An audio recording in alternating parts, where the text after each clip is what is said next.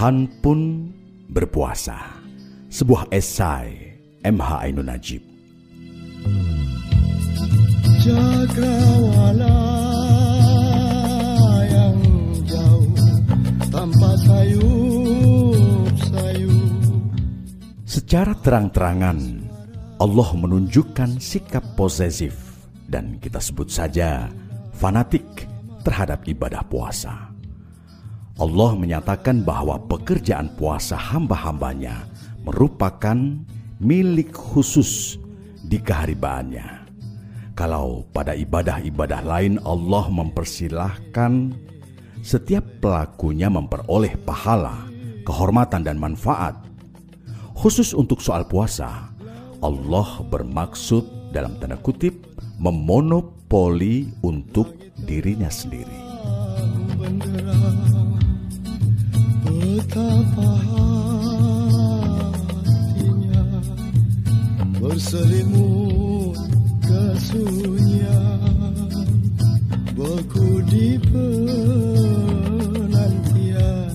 Saya melihat sikapnya itu pada beberapa sisi. Benar tidaknya penglihatan saya itu pasti. Ya, pasti hanya Allah yang mengetahui persis. Saya sekadar menggali menghayati dan merasakannya dengan cinta kasih yang saya harapkan bisa menambah pemaknaan puasa, setidak-tidaknya bagi diri saya sendiri. Pertama, yang menjadi tekanan sikap Allah dalam hal puasa adalah rasa cinta dan romantisme. Artinya, bukan beraksentuasi kekuasaan atau hukum, Allah bukannya mengambil laba pahala manusia yang berpuasa untuk kepentingan dirinya sendiri. Allah juga bukan sedang nakalan dengan otoritas mutlaknya, di mana manusia yang disuruh bekerja tetapi ia yang memetik manfaatnya. Maksud saya begini, terhadap ibadah puasa ini sedemikian serius dan intensif ia membatin dan menggagasnya, sehingga ia melibatkan dirinya sendiri secara langsung dengan cara menunjukkan rasa memiliki. Terhadap possessiveness Tuhan atas puasa ini menurut saya tidak berarti bahwa Allah adalah suatu zat yang masih memiliki kebutuhan ketergantungan dan kepentingan dan sebagainya, apalagi terhadap sesuatu yang dikerjakan oleh hamba-hambanya. Allah terlalu akbar untuk memiliki kelemahan-kelemahan demikian.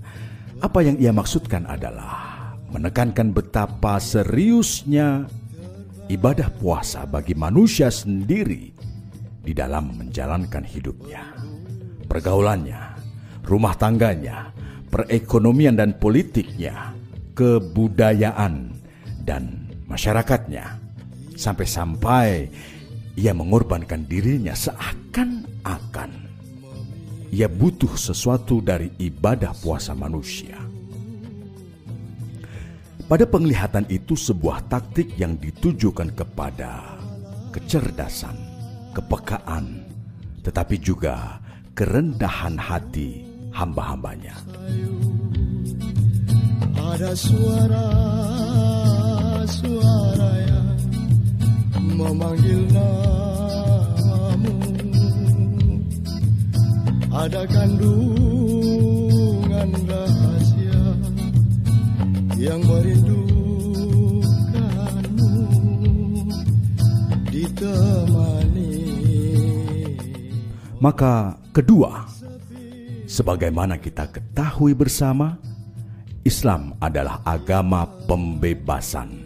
dari nafsu keduniawian yang memerosokkan manusia di dalam kebinasaan atau penyelamatan berdasarkan konsep takdirnya. Dan puasa ditunjukkan oleh sikap Allah itu sebagai metode yang paling praktis tetapi mendasar bagi proses pembebasan dan penyelamatan manusia atas dirinya sendiri. Syahadat adalah fundamen keselamatan. Solat adalah tiang yang berdiri statis. Puasa adalah pedoman manajemen kehidupan di setiap rumah, masyarakat, negara, kebudayaan, dan peradaban. Zakat adalah minyak pelumas, bekerjanya mesin hidup dan penyeimbang mekanisme.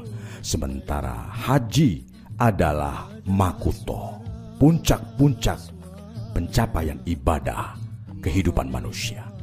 Dengan demikian, ketiga, Allah menunjukkan kepada manusia bahwa puasa adalah prinsip dasar untuk menjalankan hidup. Puasa adalah menahan diri, mengendalikan, dan menyaring. Prinsip dasar kehidupan bukanlah melampiaskan, meloskan, atau menghabiskan. Metode pembebasan bagi kehidupan justru melalui cara mengendalikan menyadari batas-batas, kesanggupan menyaring, menyeleksi, dan mensublimasikan. Ini berlaku dalam hal apa saja, dari soal berdagang, mengurusi kekuasaan politik, mengelola konsumsi rumah tangga, dan sebagainya.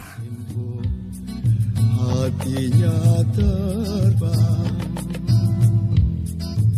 Kekasihnya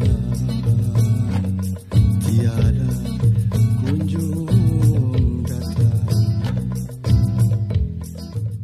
Kita tidak mungkin mengurusi kesehatan badan melalui makan tanpa batas, baik yang menyangkut banyaknya makanan, jenis kemewahan makanan maupun dosis higiene, kecuali kita bermaksud membuktikan bahwa kesehatan sama dengan keadaan berlebihan. Kita tak mungkin menjalankan politik kenegaraan dengan cara melampiaskan kekuasaan sewenang-wenang, kecuali memang kita menargetkan kehancuran di depan, lambat atau cepat.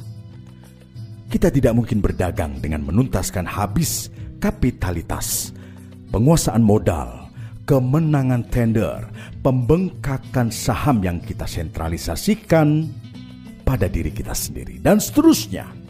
Kecuali kita memang merancang kesenjangan dan akhirnya keruntuhan kolektivitas.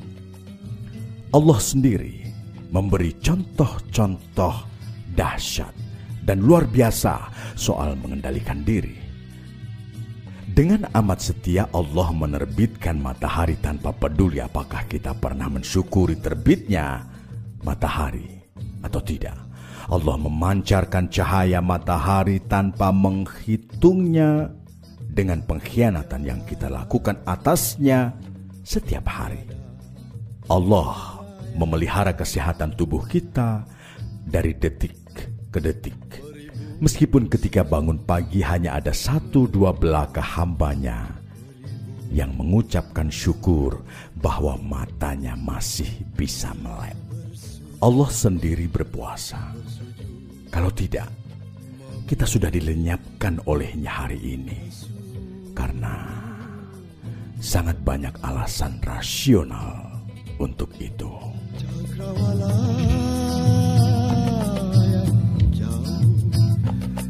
sayup-sayup Ada suara-suara yang memanggil namamu Ada kandung